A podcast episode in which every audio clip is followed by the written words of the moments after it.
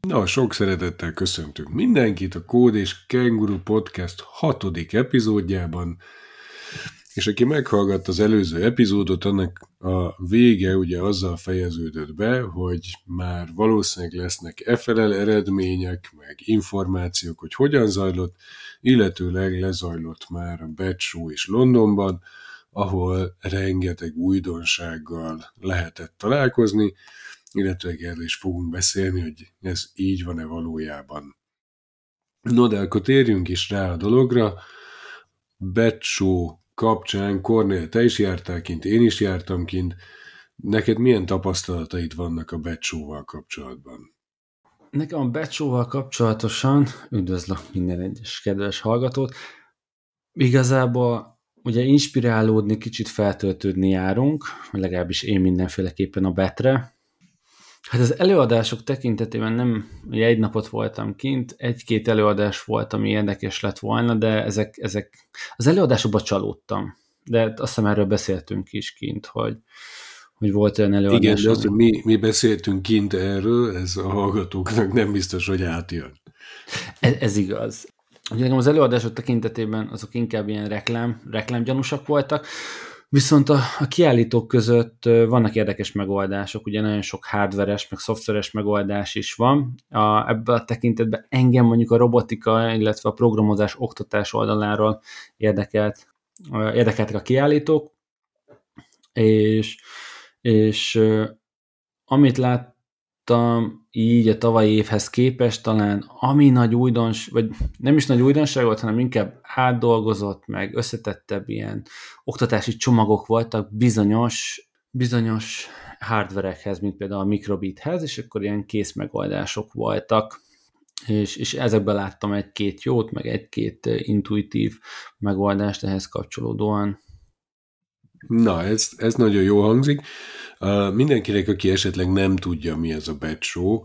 A Show idestova körülbelül egy uh, 20 éve, nem tudom egészen pontosan megítélni, de ezzel már régóta bajba vagyunk itt a VRO indulások, FLL, meg egyéb ERC indulások kapcsán évszámokkal, úgyhogy egyébként se bocsátkozunk ilyen nagy becslésekbe, de hogy egy nagyon régi múltra visszatekintő olyan konferencia, és kiállítás, ami az oktatás technológia, az EdTech területén mozog. És hát ugye mi itt azért a robotikáról, robotika versenyekről, robotika használata az oktatásban témában mozgunk, úgyhogy ebből adódóan a mi számunkra is azért a betten rengeteg olyan érdekesség van, ami miatt általában érdemes kimenni, például a másokat említett Spike robotja a Legónak, az a Betten került bemutatásra még a Covid előtti időszakban, ha jól emlékszem, de majd javítotok, hogyha nem így van. Úgyhogy itt, itt ezért is érdemes kilátogatni.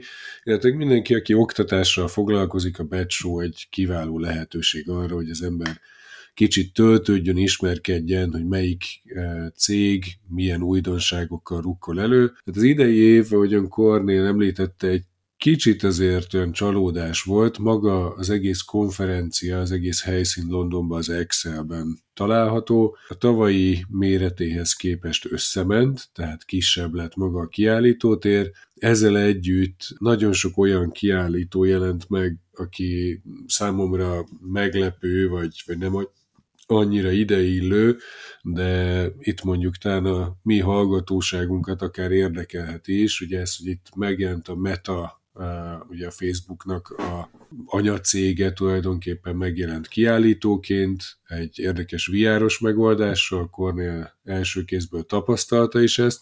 Ugye be, be, bemutatták a MetaQuest 3-at. Na, hát igen, és, és ami még érdekes volt, hogy egyre több és egyre hangsúlyosabb, tavaly csak ilyen ismerkedés szintjén néhány, idén pedig már egyre több volt az e-sport e, kiállító és az e-sport irányába mozgó kiállító, ami érdekesség, meg technológiailag érdekes, meg e, a diákoknak biztosan érdekes, de mondjuk oktatás szempontjából már kevésbé érzem relevánsnak az e-sportot. Valóban az is igaz, hogy ha ha arról van szó, akkor tudok, meg, meg nagyon megerőltetem magamat, össze tudom rakni, hogy hogyan lehet az oktatás számára is hasznos az e-sport, de ezt azt gondolom, hogy ez egy kicsit már így ilyen megerőszakolása a dolognak.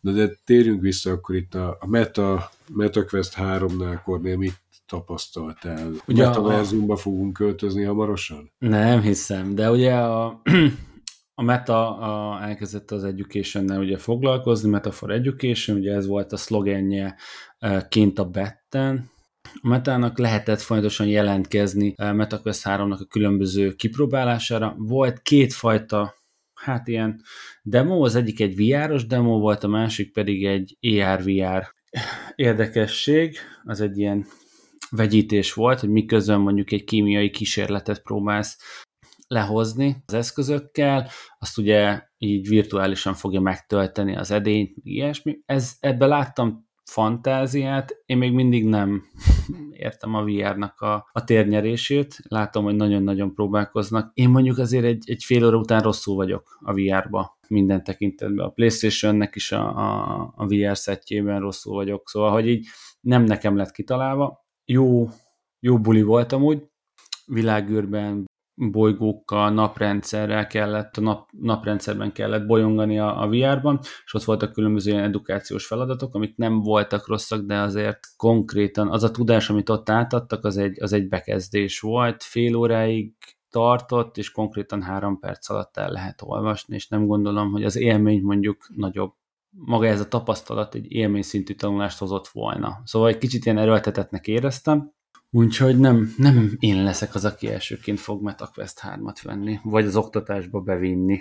Akkor nagyon sajnáljuk a metát, hogy nem győzni téged. Szerintem egyébként a, a VR-nak ilyen formában a, az oktatásban nagyon nehéz a szerepe. Ez a mixed reality, amikor ugye kettő az AR, VR találkozik egymással, az, az lehet egy érdekes irány, és hát ugye majd meglátjuk, hogy, hogy mi fog történni ezen a területen, Ugye, ha, ha már most itt technológiai irányba elmozdultunk, akkor ugye érdekes dolog, hogy az Apple is most jelentette be ugye a, a szemüvegét, és most fog, hát bejelenteni, már bejelentette korábban, de most már ugye megjelent, vagy most már elérhető az Apple-nek a szemüvege, ami mindig ugye egy izgalmas dolog, amikor a legnagyobb marketinggyár belép ugye a technológiai piacra, és elkezd valamit nyomni. Egy autó áráért lehet ugye venni egy ilyen szemüveget tulajdonképpen, nem tudom, hogy Magyarországon valaha valaki fogja egyáltalán ilyet vásárolni.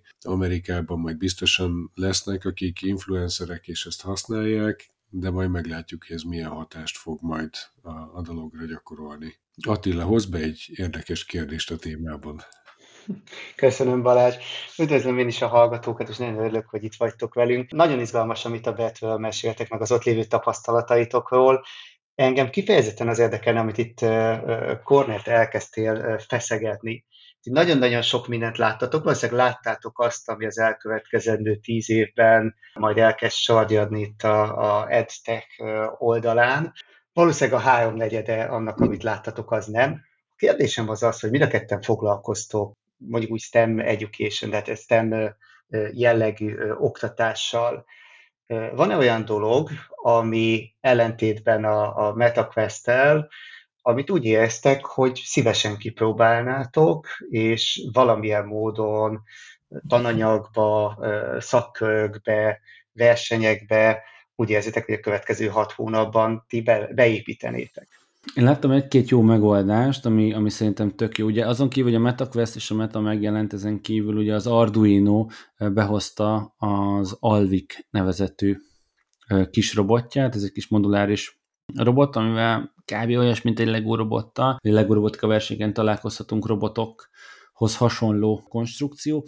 Én ebbe látok fantáziát például, szóval, hogy az Arduino egy ilyet behozott, viszonylag elérhető áron, én azt gondolom, hogy ugye az Arduino-sok már találkoztunk kint Panamába a VRO világdöntőjén, és ott, ott már a prototípus nekem megmutatták, amiben még ilyen 3D nyomtatott vázban volt az egész cucc, kicsit kopott, kicsit ütött, de kicsit titkos megoldásként. Én abban látok fantáziát, szóval, hogy én valószínűleg hamarosan beszerzek egyet, és, és, és ki fogom próbálni. Kíváncsi vagyok, Nem hiszem, hogy túl. És azért is, mert hogy ebben a megoldásban például már igyekeznek olyan csatlakozókat, vagy legalábbis úgy kialakítani az egész konstrukciót, hogy Lego kompatibilis legyen például, vagy más hasonló ilyen építőszettekkel kompatibilis legyen, és így lehet ötvözni. Szóval hogy én ezt várom, hogy hogyan lehet mondjuk ötvözni. Az, ami mondjuk a Legóban van és zseniálisnak találunk, azt hogyan tudjuk mondjuk egy mikrobit alapú mikrokontrollerre ráépíteni, ugye erre is láttam egy tök jó megoldás, vagy pedig más mikrokontrollerekre. A másik, amit kiemelnék, hogy ez a, a Modi, az a Luxrobónak volt egy ilyen koreai megoldása, nagyon király intuitív csatlakozásai voltak a szenzoroknak, illetve a motoroknak, teljesen kábelmentesen, mágnessel történt, és ilyen kis kockákból álltak, és úgy kellett összepattintani őket, és nagyon-nagyon-nagyon igyekeztek, hogy például Lego kompatibilis legyen, ezért is próbálták demonstrálni, egy nagy sárkányt építettek Legóból, és hogy csak modi kis mikrokontrollerek voltak benne. Úgyhogy én, én azt látom, hogy nagyon nagy vegyítések lesznek, és hogy építenek majd a Legóra, viszont mikrokontrollerek és motorok tekintetében nagyon-nagyon le fogják hagyni a Legót. Számomra a mi az, amit hazahoznék, mi az, amit használnék. Abszolút ugye, amit mindenki folyamatosan lebegtet, ugye ez a mesterséges intelligenciának a, az alkalmazása az oktatásban. Viszont ugye az látszik, hogy, hogy e tekintetben ezért nagyon sok uh, olyan dolog van, ami még mindig gyerekcipőben jár. Tehát, hogy óriási reformokat, meg óriási dolgokat vártunk, ugye, amikor megjelent a ChatGPT, sokan eltemették ugye a tanárokat, sokadik alkalommal, hogy most innentől kezdve majd jól kiváltja őket, és hát ugye ez nem történt meg, ez a nagy forradalom. Én igazából egy dolgot várok, amihez már lényegében majdnem minden adott, az pedig az, hogy dolgozatokat tudjak javítani vagy javítatni a mesterséges intelligencia segítségével. Tehát nekem ez a, az ultimate elérendő cél, hogy végre felnőjön idáig a mesterséges intelligencia. Az, az úgy érzem, hogy egy, egy óriási könnyebbség lesz majd ugye a tanításban, de ez jól láthatóan még azért egy, egy kicsit odébb van. Tehát egyelőre azt látom, hogy egy jó fél év még mire ide el fogunk jutni, lehet, hogy optimista becslés a fél év, de annyit még mindenképpen kell neki adni. És akkor láttál valami olyasmi irányt, ami ez a dolgozatjavítás mesterséges intelligencia segítségével irányába mutatott, vagy ez amúgy egy egyéb vágyad, amit ez, ez, már, ez már régóta egy vágyam, amióta nagyjából dolgozatokat íratok, azóta a vágyam, hogy ezt valaki más javítsa helyettem. Ez sajnos a diákém is nagyon jól tudják, ez sose volt az erősségem de egyébként meg tökre arra vágynék, hogy kész megíratom, és másnap ki tudjam osztani mindenkinek kijavítva. Tehát ez lenne egy, egy ideális állapot, de sajnos ettől még egy kicsit odébb vagyunk, hogy ez, ez bekövetkezzen, de óriási segítség lenne, hogyha ezt így a mesterséges intelligencia megoldaná. Volt ilyen megoldás a beten, már a tavalyi évben is. Tavaly viszonylag friss volt a ChatGPT, Ugye novemberben kijött, a bet volt márciusban, akkor kicsit később volt.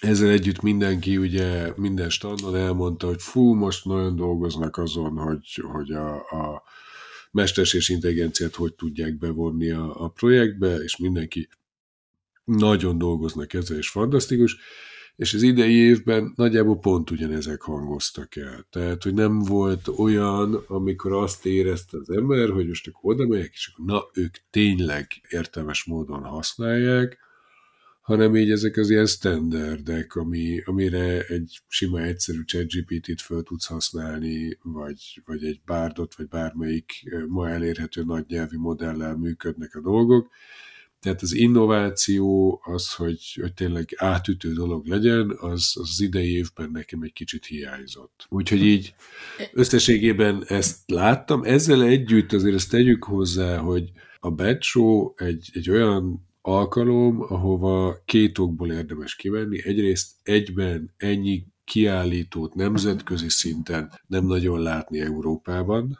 tehát ez a, az egyik dolog. Másik dolog az meg az, hogy ez egy kiváló lehetőség azon kívül, hogy az ember kiállításokat néz meg, e, előadókat e, hallgat, kiváló lehetőség arra, hogy nemzetközi szinten kapcsolatokat építsen vagy ápoljon az ember. Sőt, még azt is mondom, hogy magyar szinten is, mert nagyon sok olyan magyar ember kint van, akivel nem biztos, hogy Magyarországon egyszerű összefutni, tehát van több olyan magyar tanárkolléga, oktatási szakember, akivel biztosan tudom, hogy a betten fogunk találkozni, összehozni azt Magyarországon belül, hogy hol és mikor találkozunk, sokszor néha nehezebb, mint a, a betten. Úgyhogy ez is így mellé, mellette szól a dolognak.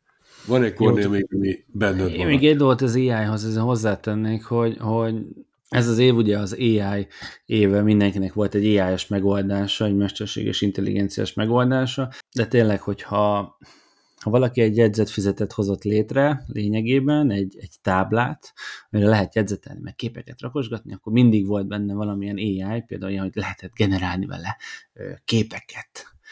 És akkor az egyik az egyik stannál az volt, hogy bármilyen képet le tud generálni, és akkor lehetett látni, hogy vadásza a Wikipédiáról a képeket bizonyos esetben, de, de hogy erre voltak, mindig, mindig ki kellett az apró pici ilyen kis bemutatóknál mindig kiemelték, hogy ú, de AI van benne, nyugi, mint valami kötelező fűszer lenne.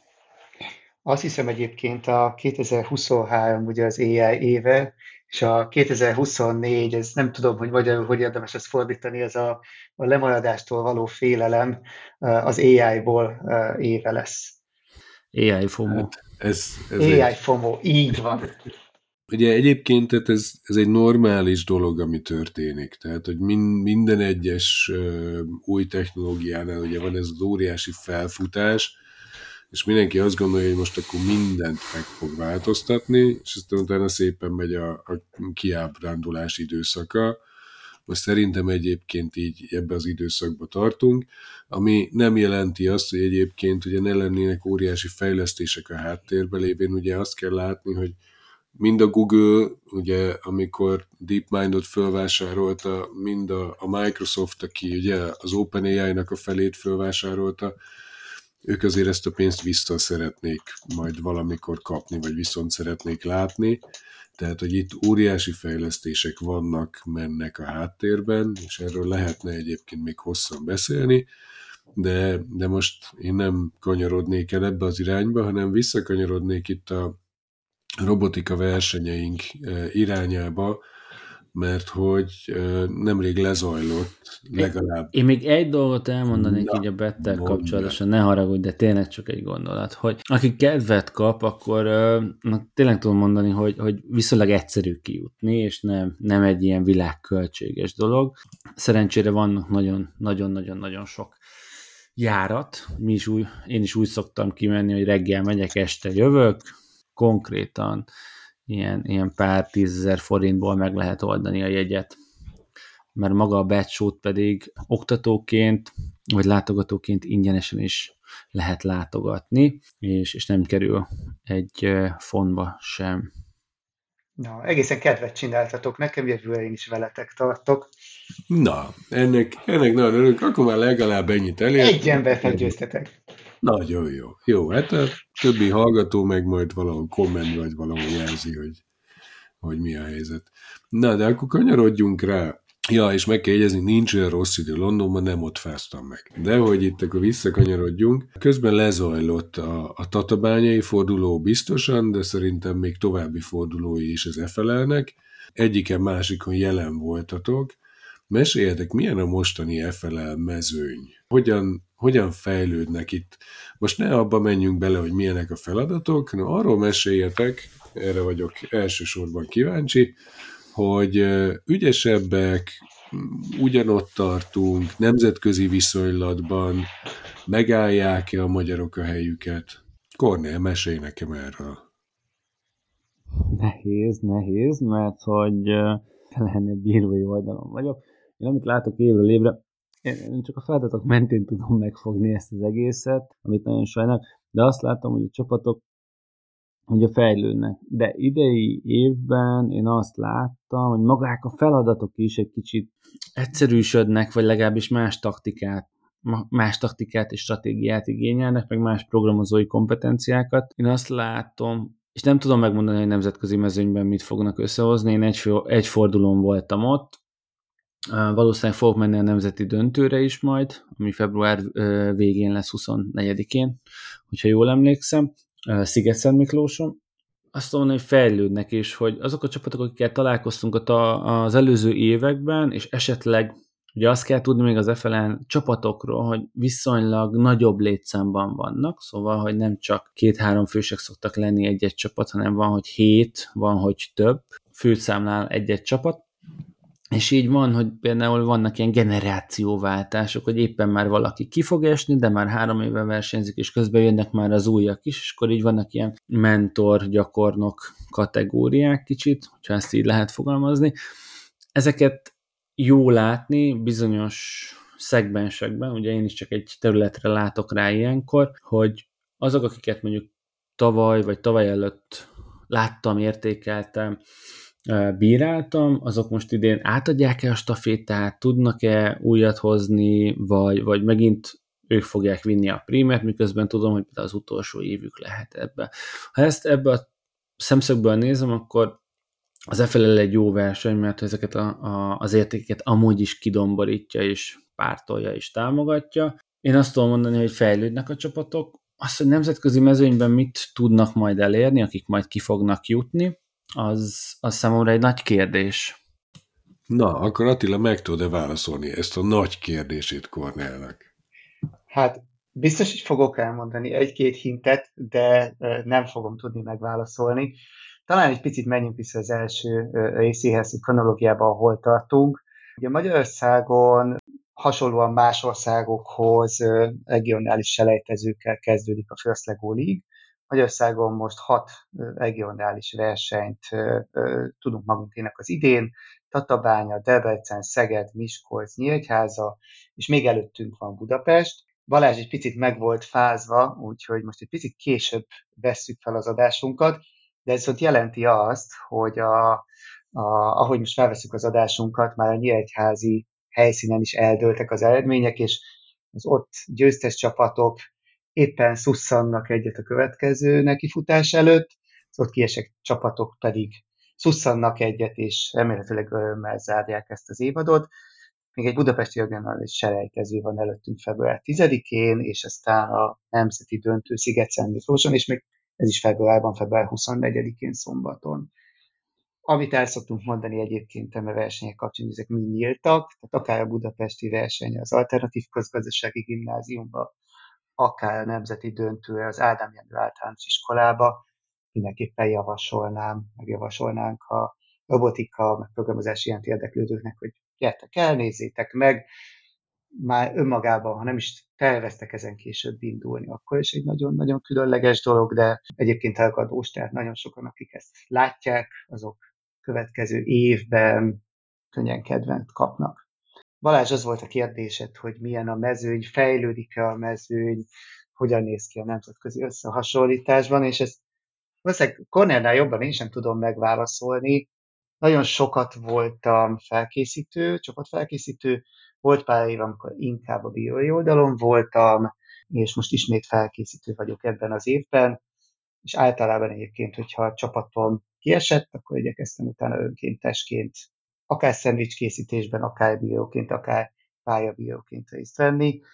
Nagyon változó. Vannak csapatok, akik nagyon-nagyon régiek, és ahogy Kornél mondta, felnövekvő emberek vannak, ott esetleg utolsó évben vannak már. A legegészségesebb az az, hogyha ezek a csapatok mindig tudnak utánpótlásról gondoskodni, tehát egy-egy újoncot 9-10-11 éves fiatal tehetséget bevesznek maguk mellé, ez egy csapatdinamikának is jót tesz, de sajnos vannak olyan csapatok, akik egyszerűen kiöregednek és eltűnnek, pedig nagyon sok tudás van náluk, sok tudás van bennük, amit sajnos sok esetben azt látjuk, hogy át sem adnak. Ez ö, szerintem a magyar palettát nagyon-nagyon korlátozza és meghatározza, hogy nagyon sok tudás veszik el évről évre. Van egy-két csapat, akit látunk, hogy önmagán belül tovább, vagy esetleg egy-két másik csapattal van kapcsolatban, de sokkal kisebb itt az a hálózat, az az együttműködés, mint amit mondjuk a kelet-amerikai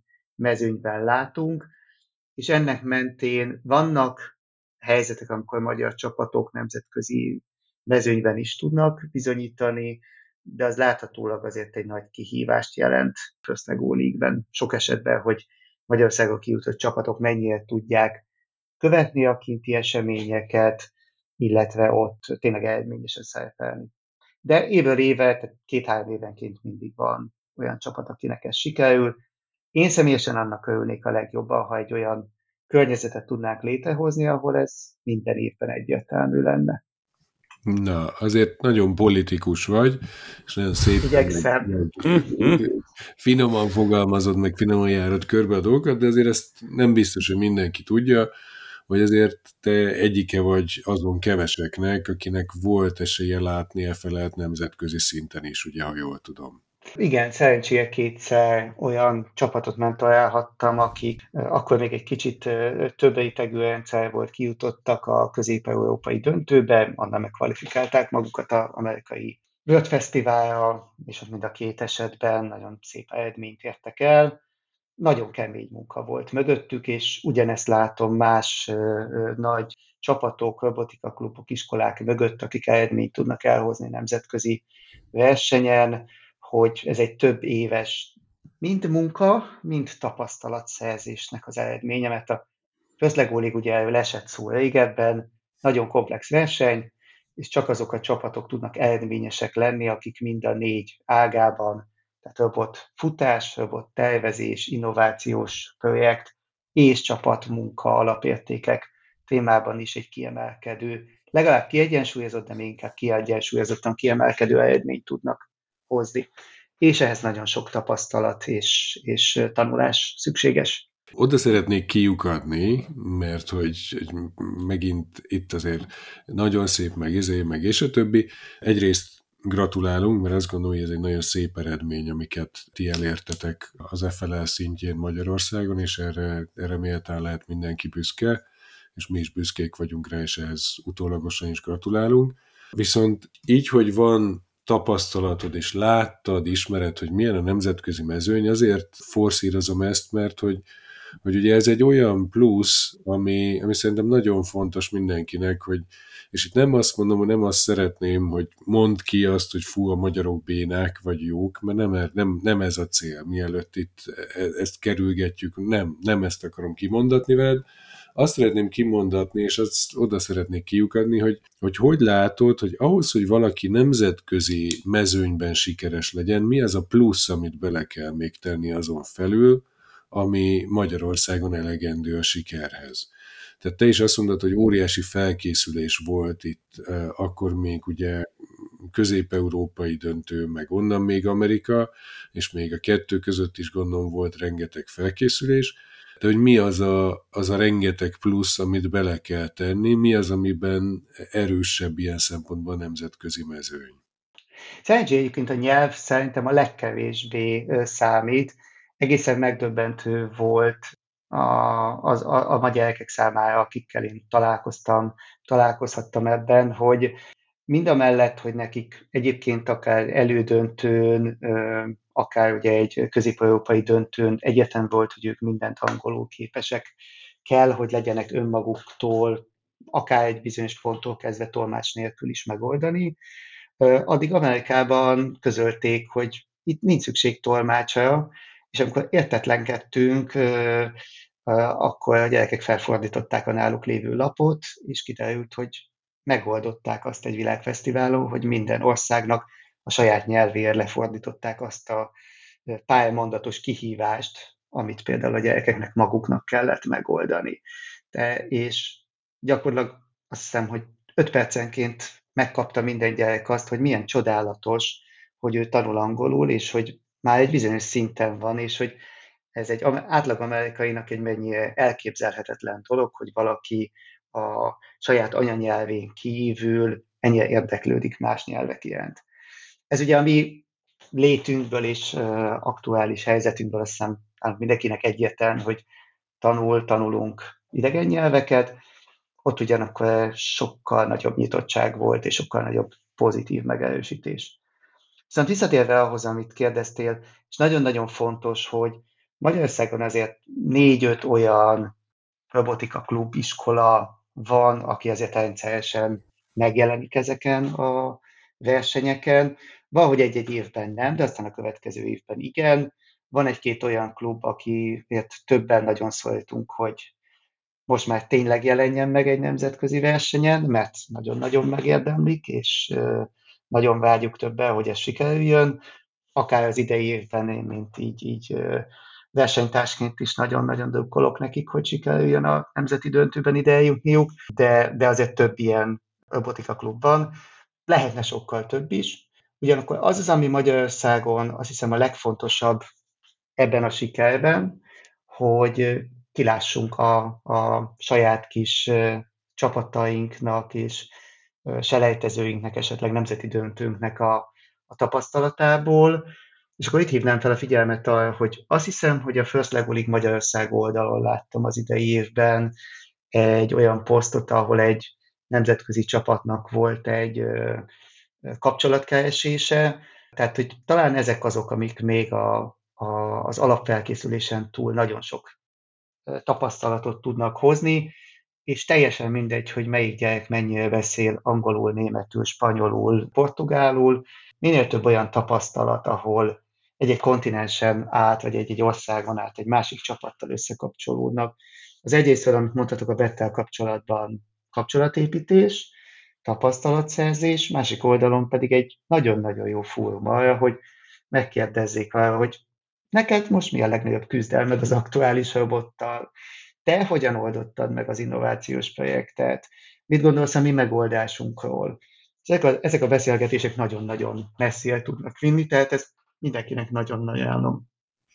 Tök jó. És még, még egy fontos dolog, amit szerintem nem biztos, hogy mindenki tud, de, de erről, vagy emellett semmiképpen sem érdemes elmenni szó nélkül. Ez az, hogyha megnézzük mondjuk a VRO-t, akkor, akkor a VRO esetében, hogyha valaki kijut a nemzetközi döntőbe, akkor ott az Edutus Egyetem az eddigi évek tapasztalatai alapján átvállalja a kijutásnak a költségeit, és így, így ugye tulajdonképpen szinte ingyen, vagy ingyenesen ki fog jutni a nemzetközi döntőre. Az EFLL esetében viszont ugye ez egy nehezebb ügy, mert hogy ott, ott ugye kalapozni kell, hogy, hogy ilyen rondán fejezzem ki magamat, tehát hogy ott, ott szükség van szponzorok bevonására, hogy a csapat ki tudjon jutni, ezt nem e, ítélkezni szeretnék itt, mielőtt itt közben a hallgatók nem látják a csetünket, mert Attila rögtön készült erre, hogy biztos fölteszem ezt a gonoszkodó kérdést. Nem gonoszkodásképpen teszem fel a kérdést, hanem egész egyszerűen azért, mert hogy ugye ez egy óriási különbség a, a két versenyben. És ugye a First oldalára ez egyébként egy, egy ilyen valahol egy elvárás is, hogy a, a fundraising az, az része legyen egy csapat munkájának, de a fundraising ugye Amerikában, ahol bekopogtatnak a, a Google-höz, meg a Yahoo-hoz, meg a, a Meta-hoz, és kérnek tőlük pár ezer dollárt, ott pedig hozzájuk vágják őket, és innentől kezdve mehetnek robotozni. Ez nálunk egy kicsit azért nehezebb műfaj. Szóval ott kolbászból van a Lego is. Hát ezt nem tudom, hogy milyen a kolbászból készült Lego, meg az amerikai kolbász se tudom, hogy milyen, de ezek már megint messzire menő dolgok. Viszont az a kérdés, hogy nálunk ez, neked, mint akinek ebben van, volt tapasztalatod, ez egy mennyire komoly feladat. Tehát amikor ott vagytok, hogy készülni kellene a versenyre, és akkor a versenyre készülés mellett helyett közben meg azon kell aggódni, hogy összejön-e a pénz arra, hogy kijussatok. Maga a fundraising azt hiszem, hogy a First Lego League-nek az ötödik lába lehet. Igazán a legfontosabb dolgokat azt hiszem, hogy te elmondtad, tehát maximum ismételni tudlak téged ebben, hogy a Amerikában ugye, ahonnan az egész First indul, nagyon nagy hagyománya van annak, hogy üzleti képességekre és tudományokra neveljük, nevelik a gyerekeket. Ahogy ahol lakom Káposztás megye, néha itt van egy bicikliút, kimennek gyerekek nyáron és limonádét árulnak, de azért ez egy viszonylag ritka történet. Szóval Magyarországon ez, ehhez nem szoktunk hozzá, nem szoktunk ahhoz hozzá, hogy 6-7 éves gyerekek üzleti terveket csinálnak. Egyébként ugye ez az innovációs projekteknél is rendszerint egy probléma, hogy ezt akár zsűriként, akár felkészítőnként megpróbáljuk beletenni, kérni, sugni, hogy akkor ezzel így foglalkozni kellene. Ugyanígy, amikor oda kerül egy csapat, hogy akár nevezni szeretne, és akkor ez a közel 100 ezer forintos nevezési díjat össze szeretné szedni, akár versenye kvalifikálta magát, és szeretne oda eljutni, akkor mind a gyerekekben, mind a cégekben, mind a szülőkben azért nem egy ismerős érzés az, hogy igen, emlékszem, hát hat éves koromban árultam limonádét, tehát hogy tudom, hogy hogy kell ezt csinálni, csak egy nagyobb szinten. Ez Magyarországon nem kis kihívás. Én most ettől egy picit eltávolodtam, tehát amikor egy sokkal tapasztaltabb csapatot vittem, tehát sokkal tapasztaltabb gyerekekből álló csapatot, akkor nekik ebben, meg a szüleiknek volt nagyobb gyakorlatuk. Most azok a gyerekek, akik kezem alatt vannak, első évükben csinálják a First Lego League-et, a szülők is ezzel első évükben vannak.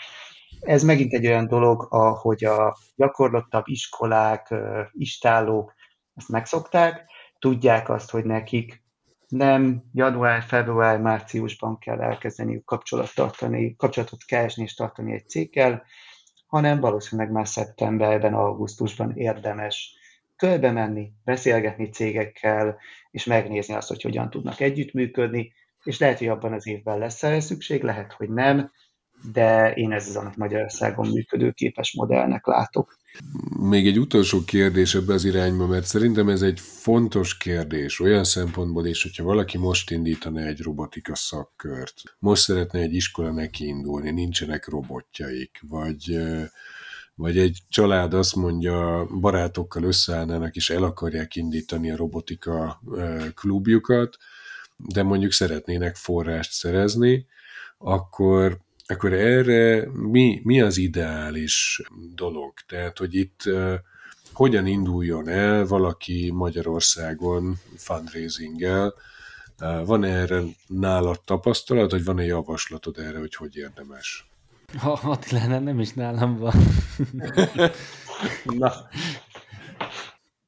Ugye most a, a a versenyeknél, ugye az FLL szezon az most éppen február 24-én Magyarországon le is fog záródni, de nem mellesleg ugye említettük a VRO-t, a World Robot Olympiad szezont is, és ott például az Edutus Egyetem ott, ott pont erre kínált egy megoldást, ugye a, a, már csak egy robot hiányzik, hogy még egy robot hiányzik, ugye korábban volt ez a már csak egy robot hiányzik kategória, aztán, amikor valaki ment robosportra, és kellett még egy robot, akkor lett gyorsan, hogy már csak egy robot hiányzik, ugye, amikor már kettő kellett a, a versenyhez. Ez a viccet félretéve, azok a csapatok, vagy, vagy lelkes szülők, pedagógusok, akik szeretnének elindulni, akkor, akkor például vannak olyan források, lehetőségek, az Edutus Egyetemnek egy ilyen pályázata van, persze ennek is vannak megkötései, de, de lehet pályázni, és lehet szerezni egy olyan mondjuk Lego Spike-ot, vagy egy LV3-ot, amivel el lehet indítani egy szakkört, ugye, és akkor ezt a forrást mondjuk meg lehet spórolni. Cserébe ki lehet próbálni azokat a lelkes gyerekekkel a robotikát és a programozást, és ki lehet próbálni magát a versenyzést is. Ilyenek vannak, szerintem ha ilyenek nincsenek, vagy, vagy hogyha valaki azt mondja, hogy oké, okay, van robot, de mondjuk terembérletre, vagy bármire szükség van még forrásokra, akkor, akkor ti, ti például hogy indultatok neki, amikor ki kellett menni például Amerikába, és szükség volt forrásra? Hát nagyon lényegetően és röviden, hogy itt az adásidőt azért szem előtt tartsuk. Gyakorlatilag négy hetünk volt ezt megoldani. A első két nap azzal telt, hogy eldöntöttük, hogy belevágunk ebbe, a következő két nap azzal telt, hogy nagyjából egy egyoldalas levelet írtunk, amiben összeszedtük azt, hogy mire van pontosan szükségünk, és mi az, amit mi fel tudunk ajánlani, média megjelenés, póló és, és a minket szponzoráló cégek felé, beleértve akár azt is, hogy kimegyünk hozzájuk, és tartunk egy félnapos workshopot az ő gyerekeiknek, utána körülbelül száz cégnek a megkeresése a szülők networking keresztül, ebből körülbelül 20 céggel, 20 cégtől kaptunk választ, és a végén körülbelül 8-9 cég volt, akitől pénzt is sikerült szerezni így négy hét leforgása alatt. Nem sokat aludtunk, és ha nem is aggódtunk, de azért egy eléggé melós négy hét volt. Ez egy olyan tapasztalat, amit örülök, hogy megosztotta, és nem tartottad magadba itt a végén, és, és nagyon szépen köszönjük mindenkinek, hogy kitartott ennyi ideig, mert egy picit itt ránéztünk az adásidőre, lehet, hogy hosszabb lesz ez, de majd igyekszünk jól megvágni a dolgokat, úgyhogy köszönjük szépen, hogy velünk tartottatok, sziasztok! Sziasztok! Sziasztok!